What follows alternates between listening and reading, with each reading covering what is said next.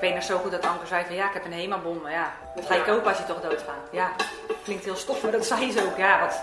Maar, kan je verklappen, ik doe nog steeds met de deodorant die Anke gekocht heeft. Dat is echt wel aardig. Dan gingen we naar de drogist en dan kost een deodorant in de aanbieding. Die waren dan een euro of zo, van die vaaspuinbussen. En dan kostte de 60 lijken er nog niet. Maar je gaat toch bijna dood van. Maar ja, dat dacht ik ook echt hoor, dat ik echt dacht van... Maar het was niet zes in de aanbieding, waren gewoon een euro per stuk of zo, weet je, zoiets. Oh ja. Omdat ik dacht van, nou, hoeveel spuit je? Uit alle tassen kwam ook een deo, hè? Ja. Misschien, ja, was, Was het ook ook zo, omdat ze onzekerheid, denkt hoor. van onzeker. Ik, Ja, dat ze oh, En ze weten nooit. ik ben heb overal te veel. ik neem te veel ruimte in, ik neem te veel geur in, Ja, ja, ik, maar ik, ze- ik, eh, ik stink of zo, ik zeg maar iets. eh. Ja, maar ik denk echt de onzekerheid. Dat ze altijd, of, of dat stinkt inderdaad, dat men, dat ze te veel is in de ruimte. Of Niet de, de onzekerheid, Ja. ik denk zelfs dat ze het zo Ja. minder. Ja, ja, ja, zeker. Ja. Ja. Dan ik ben te veel, of Ja. ik stink te hard, of ik ben Ja. lelijk of dik, of Ik heb ik haar ben nog niet nooit geroken zelfs, weet je. Ik- Ze weten natuurlijk ook nooit. Ik rook er ook nooit hoor. Nee. Mm. Dat had je er zo gegund dat ze gewoon lekker mee taart kon eten. Hoi mama, met Anke. Hoi mama. Hoi mama. Hoi mama. Hoi mama. Met Anke. Gisteren zaten we hier met Maarten, de broer. En die zei ook, we zouden van, eigenlijk van bijna in de kleuterklas mensen moeten leren hoe ze met elkaar moeten omgaan, hoe ze met elkaar moeten communiceren, hoe dat ze mild... Ja, het begint echt al, het begint echt al op de lagere school. Ja, al eerder. Ik zag haar alleen maar op eh, familiebijeenkomsten en, en een weekendje dat we samen doorbrachten en zo. Marga zag haar natuurlijk, hè, we zagen haar elke dag. Maar hoe meer mensen dat we hier samenbrengen, hoe, Hoe groter hoe, het beeld hoe- hoe mooier, hoe, hoeveel facetten Ja, Een totaler beeld het wordt. beeld wordt. ja. En dan zie je wat, hoe rijk, eh, allee, ik bedoel, wat een, een prachtig mens de Anke is. Ja, dat was zeker, zeker. Je denkt, ze, ze was zo dun, maar hoe rijk dat die Ja. van binnen wel was. Naar Dat zei ze ook, hè? Het, laatste, het allerlaatste bericht, hoe, hoe blij ze was met alles en iedereen om haar heen. Hoe dankbaar ze was eigenlijk. Daar was ze zich ook heel erg van bewust. Maar daar maakte, vond ik het ook wel extra triest maken. Hè? Dat je ook denkt van, Ja. je heen houdt van je. Je hebt alle ingrediënten om een gelukkig mens te zijn en je kunt niet gelukkig zijn. Voor jou ook. Dus Ja, maar dat, wat dat is... maakt dan dat, het- dat het niet kan werken? Hè? Ja, Ja, maar wat maakt dan ook zo, met, met kanker denk je van, oké, daar is een diagnose, daar zijn treatments voor, en we weten ik allemaal, Ja. die ook allemaal afhangen van de treatments. De dat is een ziekte, Ja, maar weet je Dat is de psychiatrie ook zo.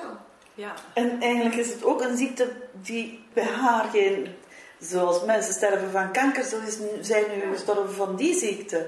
Ja, is ook zo. Als je kanker hebt, dan denk je van oké, dan, dan doe je alles, maar dan op een gegeven moment is het op. Dat is natuurlijk met psychisch ook. Ja. Alleen denk je van ja, maar waarom, waarom kan jij niet gelukkig zijn? Of, ik bedoel, Maar kan je het mij uitleggen? nou ja, dat is dus heel lastig, want wat maakt eigenlijk dat je jezelf zo tekort blijft doen? Ik heb dan zoiets van, weet je, ik heb dat vooral, eh, die eetstoornis is gekomen natuurlijk door bepaalde dingen en vroeger zeg maar. Maar ik denk, nu ben ik een volwassen vrouw. Dan denk ik, waarom kan ik niet gewoon, waarom kan ik niet gewoon kan weg zijn? nou niet dit doen? Fuck it, rot op. Ik heb, ik, ik heb nog een mooie foto eh, met. Ik, ik heb toevallig hoor, want ik heb. ehm, toevallig dacht ik, ja, die moet ik even laten zien. Maar de foto moet ik toch eens zien. Dat was wel haar slechtst, maar nou, dat zie je de humor nog. Ja, dat was, dat was echt een slecht moment. Dit was een slecht moment, ja, dat was echt in januari, Januari toen vorig ik. jaar, ja. Ja. Toen ze mij een foto gestuurd dat ze op de bank lag, die heb ik ook weggegooid. Dat ik echt dacht van, dan kom je ze ophalen en dan adem je niet meer, weet je. Dat Ja. is vreselijk. Ze deed de deur open en ik schrok. Maar ja, dat wil je natuurlijk ook niet gelijk, want zelf zag ze dan natuurlijk Weet je, helemaal. achteraf gezien, hè, met wat jij daar straks gezegd hebt, hè, met, met fuck, fuck eetstoornis, vind ik dit nou wel een goeie. Zo, dit vind ik nou wel. Ja, gewoon echt. Fuck je. Ja, ja, gewoon echt. En, maar het was op haar slechtste moment ook hoor. En toch probeert ze gewoon te lachen en denken van, Ja. joh, het grapjes erover te maken eigenlijk. Ja, en diezelfde week, ik weet niet of ze dat toen verteld heeft, toen probeerde Fleur probeerde contact met haar te krijgen. En toen bleek ze dus met een vriendin aan de telefoon te zitten. Ik had Fleur net een berichtje gestuurd zo van nou ik ga zo maar even een dosis, overdosis oxazepam nemen. Want dan ben ik tenminste van de gevoelig. Maar dat was dus de ankerhumor.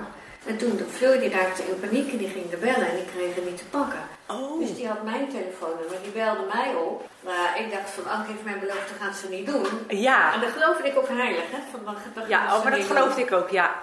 Ik hier het park bellen van, eh, joh, eh, dit is dus en zo is het geval. En ik, ik kom er nu aan in de auto, dus een collega had de auto. Dus ik met die collega in de auto gesprongen. Als het park was eh, gealarmeerd, dus die stonden beide aan de, aan de deurbel te rinkelen. Dus Anke belt me op.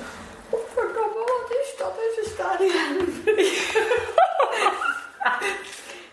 zus en zo is het geval. Ik zeg, er was iemand die, jij had gezegd dat je een overdosis oxazepam nam. Ja, dat was een En grapje. ja, en dat ja. park zei, ja, moeten we, moeten we 112 bellen? Ik zei, nou weet je, ik denk dat het niet waar is, maar ja, eh, ja, ga even kijken. nee, dat, eh, Nee, dat had ze nooit gedaan.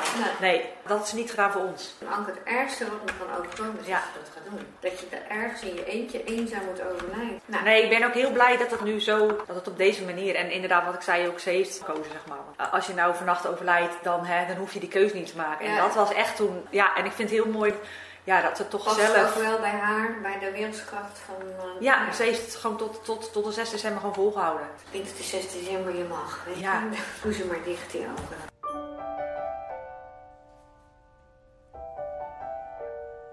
Maar ik denk dat de laatste maand nog extreem, dat was volgens mij echt eh, de hel. Want ze is Ik- zo achteruit. Ze er nog, en dat, dat zei ook met de kleding, van nou, het moet er niet, eh, moet er wel een beetje mooi bij liggen, weet je, ja.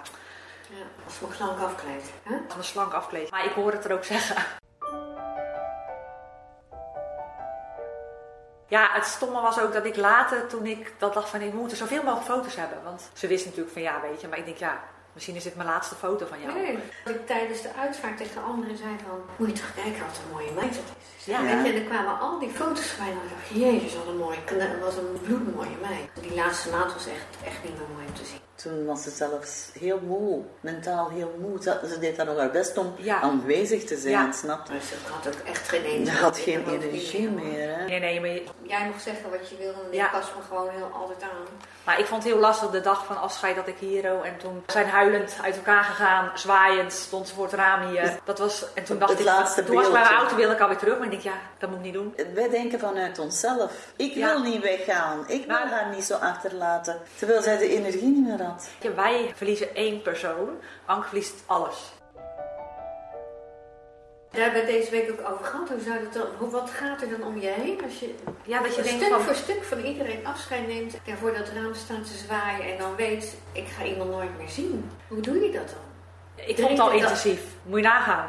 Zij heeft twee weken lang elke keer het afscheid. En Het afscheid nemen. Ja, wie ga je nog bellen en wie ga je nog Ja. afscheid? Wie de laatste die je nog wil zien? En moest er heel goed over nadenken voordat je kiest voor euthanasie. Dat is heel lastig.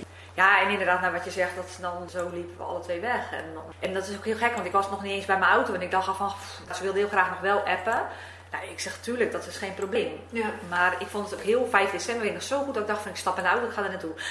maar ja, ik denk, dat kan ook niet. Want dat had ze helemaal niet meer getrokken, waarschijnlijk. Wel de bubbel van het afscheid nemen. En ja, ze had heel weinig energie en dan merkte ik wel dat Maarten is heel veel geweest. En we hebben ook Ik weet dat ik gedaan heb wat ik kon, zeg maar. Maar je denkt altijd, oh, had ik nog maar dit of had ik dat. Maar dat blijft. Ik vind het heel fijn om te weten dat het gewoon, het is goed. Weet je, ik vond het heel lastig, vooral de laatste maanden. Ja, eigenlijk al de laatste vijf jaar misschien eigenlijk wel. Dat ik denk van, oh meid, want ik, ik gun je zoveel meer en zo. En je zag eh, haar zo lijden. Ja, ik weet nog zo goed dat ik met haar, eh, dan liep ik altijd even naar de tram toe. Ja. Maar zij liep op een verbrijzelde voet. En nou, eh, piepen nooit. Echt, nee.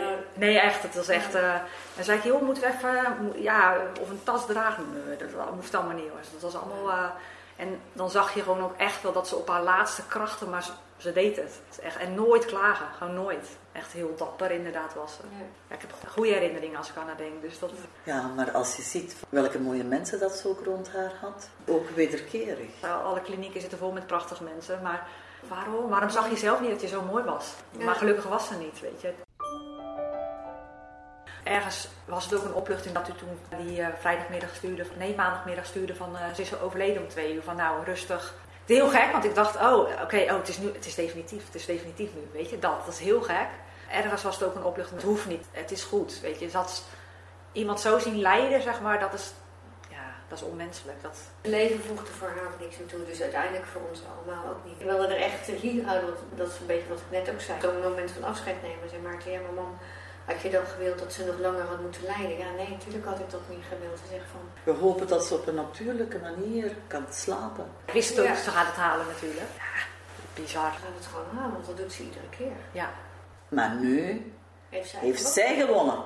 Ja, het voelt voor mij ook fijn dat ze zegt van joh, maar ik, zij heeft gekozen voor die euthanasie. Zij heeft gekozen om te stoppen en niet de eetstoornis. Wat moet je vooral niet zeggen tegen iemand met een eetstoornis? Nou, ik denk vooral, het was heel lastig van, oh, het ziet er goed uit. Of, oh, je bolle wangen. Dan denk ik, ja.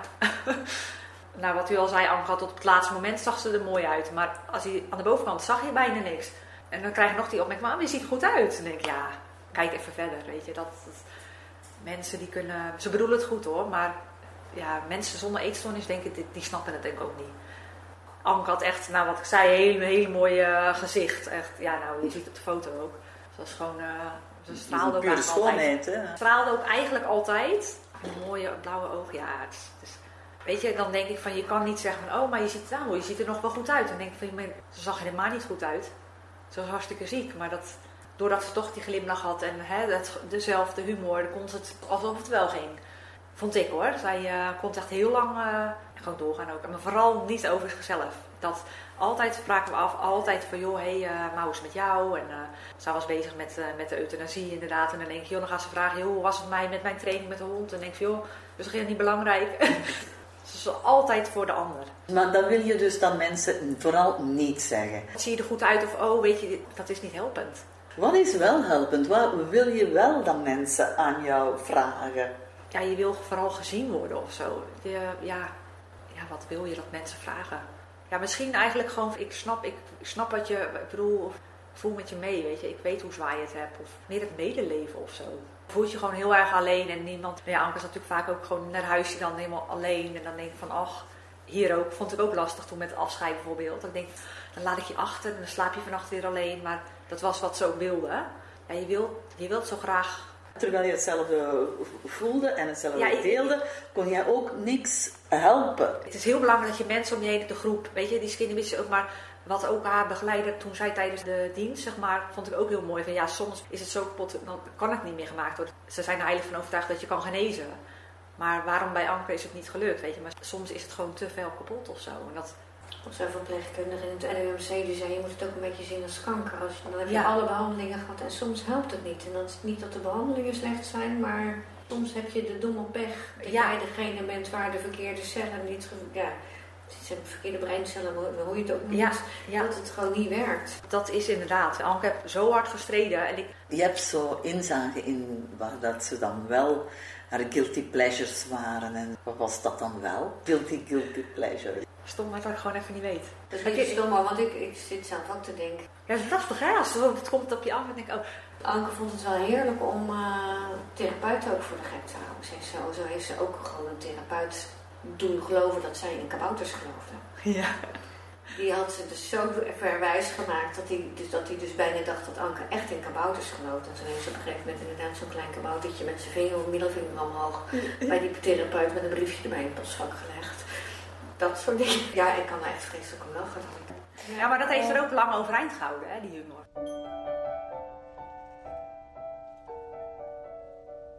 Wat verwacht je van een therapeut? ja, je verwacht dat ze je helpen. Althans, dat ze je, je wil beter worden. Eh, Je, ik denk ook dat dat heel moeilijk is. Want datzelfde met, wat had ik als vriendin nog beter kunnen doen? Of wat, Echt even bij jou blijven. Niet, niet, nou, niet denken wat Anke bedacht had. Maar je- het is lastig, hè? Ik zit dan gelijk eh, in mijn hoofd dan... eh, Ga ik nog even terug. Dit was echt de vraag aan jou. Ook wat zou jij niet willen horen? Of wat zou jou, hoe Ja, therapeuten het, ja, die hopen we dat gaan luisteren. Dat jij, omdat jij in het hier en nu leeft, nog kan zeggen, wat zou jou dan helpen? het gezien worden, het, het echt, dat mensen echt luisteren naar wat je zegt, zeg maar. En dat ze naast je gaan staan, weet je. En niet... Dus niet naar de eetstoornis gaan kijken, maar naar jou gaan kijken. Ja, ja die eetstoornis is een uiting natuurlijk. Maar uiteindelijk gaat het niet om die boterham. En dat je gezien wordt en Als afleiding, wat, wat zou je het leukste vinden van mensen die zeggen van kom nu gaan we samen. Het is ook leuk, weet je, net als therapeut. Het is, het is vaak hebben natuurlijk een bepaalde band. Maar als je eh, bijvoorbeeld in de kliniek ook wat vaker...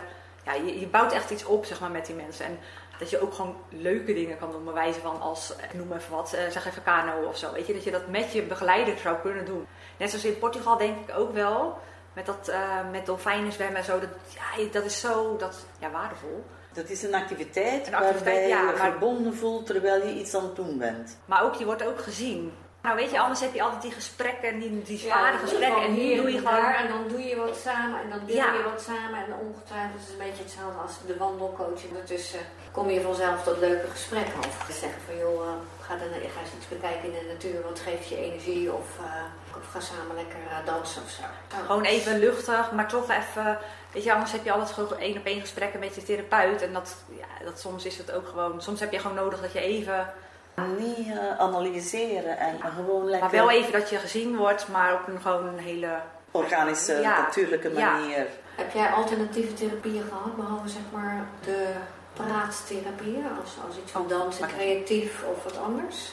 Ja, ik heb geen PMT, maar wat was het nou? Dra drama-therapie en zo. Dat- Ja, van lichaamsgerichte therapie? Ja, dat was meer voor, je, eh, voor het opkomen voor jezelf en zo. Dus Dan moest je van die gekke dingetjes doen. Ja, die, die, eh, Noem eens een gek dingetje. dat je mensen dichtbij liet komen. Of eh, weet je, dat was ook lichamelijk ding. Maar dan ging dan op een leuke manier. Speelde je dat dan met de groep. Ja, sommigen vinden het natuurlijk lastig om iemand heel dichtbij te laten komen. En dat speelde je dan.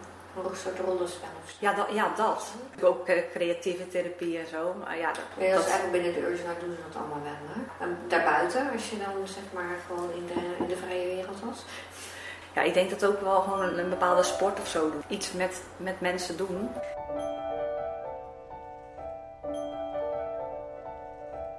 Ja, het was heel vaak weer, alles komt een beetje op hetzelfde neer. Hè? Aankomen en, en dan denk ik, ja, weet je. Dan ligt de focus weer op, op de, de eetstoornis ja, en niet op vooral eh, dat. En dan denk ik, ja, die eetstoornis. Ja, creatieve of het eh, persoonlijke expressie. Of, eh, iedereen weet hoe je moet eten. Weet je, dat, dat, dat is natuurlijk heel het punt niet.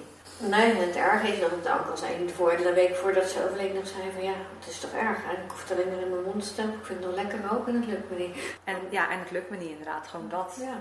De Kijk. gouden behandeltip, heb je die? Zou ik het jou helpen als je in contact zou kunnen komen bijvoorbeeld met, met misschien nu niet meer hoor, maar in een eerdere fase met bijvoorbeeld eh, meisjes of mannen of vrouwen, maakt eigenlijk allemaal niet uit, met, met een eetstoornis, zonder dat er allerlei therapeuten, dat je gewoon, Een soort ervaringsdeskundige? Of... ja, dat je, dat je met elkaar ervaringen uit kan wisselen en dan vooral in de welhelpende sfeer en niet elkaar de meest rare dingen leert, als inderdaad de appelsap bij de planten gooien en dat soort dingen.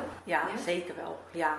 Maar je Ja, misschien eens een vraag kan stellen van joh, weet je, ik heb dit, eh, hoe, Ja, vooral aan? ook ehm, eh, als je zelf niet echt in de omgeving, zeg maar, mensen hebt, echt, ja, natuurlijk wel mensen met een eetstoornis waar je natuurlijk heel veel contact mee hebt, maar die zitten er zelf ook in. Dus dan mhm, is het lastig natuurlijk. En als je iemand ervaringsdeskundig, althans iemand hebt, mhm.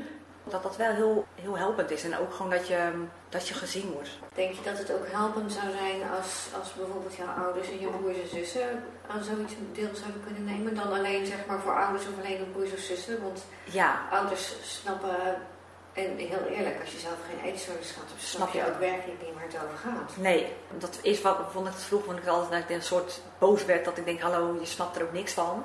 Maar als je echt geen eetstoornis hebt gehad zelf, dan is het ook heel lastig om in te leven. En naarmate ik ouder word, heb ik nu wel zoiets van, denk, ik, oh ja, weet je, sommigen ze weten het gewoon niet. Het is gewoon, ze proberen wel hun best te doen, maar ze snappen het gewoon niet. is het nodig? Ik bedoel, ik heb nooit, denk ik, een eten, denk ik. ik weet wel waarin ik bewust niet gaan eten ben, maar dat was meer Ja. protest dan uit iets anders. Maar is het nodig dat iemand de eetstoornis begrijpt, of is het nodig dat iemand jou begrijpt? Ik denk vooral dat ze jou begrijpen. Die Ik denk dat eetstoornis, ze die eetstoornis niet eens Gaan ze willen begrijpen, Nee. hoeft ook niet. elke eetstoornis is natuurlijk ook anders bij iedereen. En als ze je niet begrijpen, althans dat, dat kan natuurlijk, die eetstoornissen snappen ze niet. Maar als ze jou ook niet kijken naar hoe jij bent en waar je tegenaan loopt. Zeg maar. Dus echt dat luisterend oor, dat je echt weet van, ik word wel gezien. Kijk, ik snapte ook niet bijvoorbeeld bepaalde dingen dat iemand dan deed. En denk van, ja, ik heb wel een eetstoornis, maar eh, ja, ik, ik hoefde bijvoorbeeld niet me koud te douchen. Maar sommigen, die, die straffen zich daarin mee. Ik heb zelf daar geen last van. Iemand die dat zou zeggen, die mensen zouden denken van, joh, eh, koud douchen. Wijs? ja, die is niet goed. het zijn allemaal stu- stukjes van zelfstraffen, bestraffen, zeg maar. Weet je? En dat iedereen doet het op zijn manier. Want ik heb ook last van zelfbeschadiging. Iedereen doet het op zijn manier. Want Anke had dat natuurlijk ook extreem. Alleen op haar manier. Maar wat ik jou wil zeggen is dat- dat jij wel denkt dat het helpend zou kunnen zijn als je ouders en je broers en zussen begrijpen dat het ook niet is wat Ja. jij niet wil. Want eigenlijk wil je helemaal niet dat het gebeurt. Dan gaat het Ja. niet over. Dat soort dingen. Ik denk wel dat het echt heel fijn is als zeker dichtstbijzijnde mensen, zoals familie, dat, dat die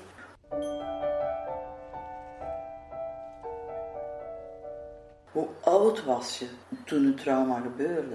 prepuberteit. Zo vroeg al. Het trauma was van die aard dat je zelf niet snapte wat er aan de hand was. Eh, nu na therapieën en dat je terug gaat kijken, dan denk ik van, oh. nu oh, wel, maar, nu- ja, maar toen, was dat, dat kind dat je toen was, Nee, snapte dan niet. Nee, nee, nee, echt totaal niet. En daar gebeurt niks mee al die tijd, zodat dat alleen maar groter en groter Ja. wordt. En daarna Ja, je kan het ontwikkelt alleen zeg maar, maar uiten via een eetstoornis. Ja, dat gaat er geleidelijk aan. Dat gaat echt in kleine stapjes. En nou ja, voordat je weet ben je zo verstrikt. Dus in- zou het trauma eerder moeten gedetecteerd worden? Ja, alleen vaak is het lastig natuurlijk als je een trauma meemaakt, dan je schaamt je of je, wil, je durft niet Ja, te delen. En dat, dat maakt het zo. Je komt niet zomaar bij iemand en zegt, joh, nou dit en dit heb ik meegemaakt. Dat, ja, daar loop je al jaren Ja. mee. Dus eigenlijk moet de hulpverlening al veel eerder.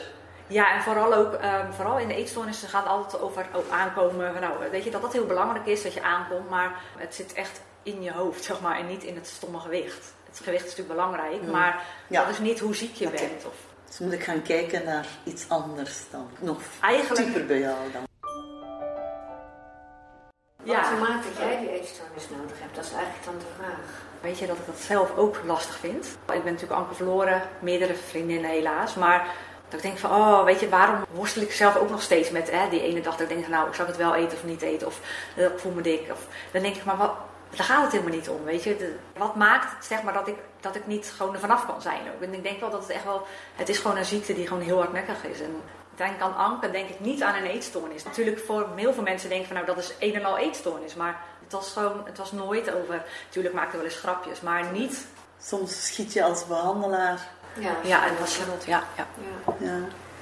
Die hebben echt alles gegeven, weet je. Dat is daar, ja dat is geen job meer. Hè. Dat is... dat is, die leefde naast Anke. Ja, echt ernaast. Echt ernaast. Dat was echt, Ja.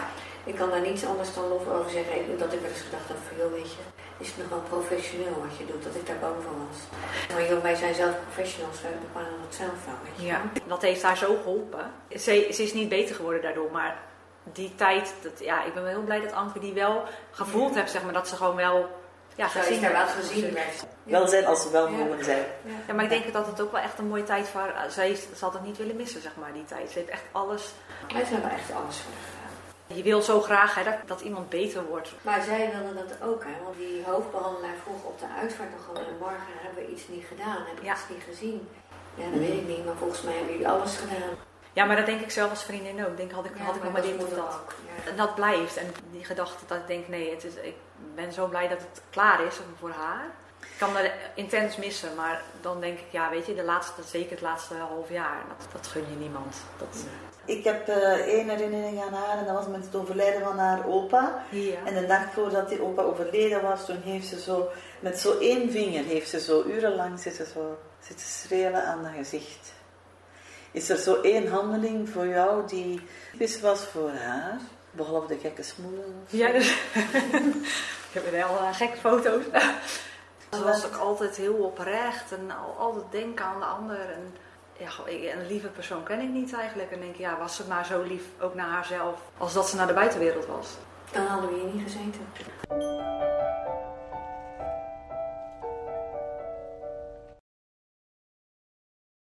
Lieve Geertine, we zijn je zo dankbaar dat je er was met Rosie en voor je intieme getuigenis. Dank je wel. Voor meer info over deze aflevering kan je terecht op onze website www.ankepodcast.nl. In onze volgende aflevering praten Marga en ik met Frauke Smink. Frauke is het nichtje van Anke. Tegelijkertijd is Frauke psychologe en ervaringsdeskundige.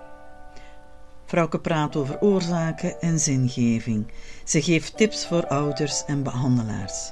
Meer nog, ze maakt duidelijk dat anorexia een symptoom is van zowel een individu als van een gezinssysteem, als van een heel maatschappelijk systeem. Tot later, tot een volgende Anke-podcast. Hoi mama, met Anke. Hoi mama. Hoi mama. Hoi mama. Hoi mama, met Anke.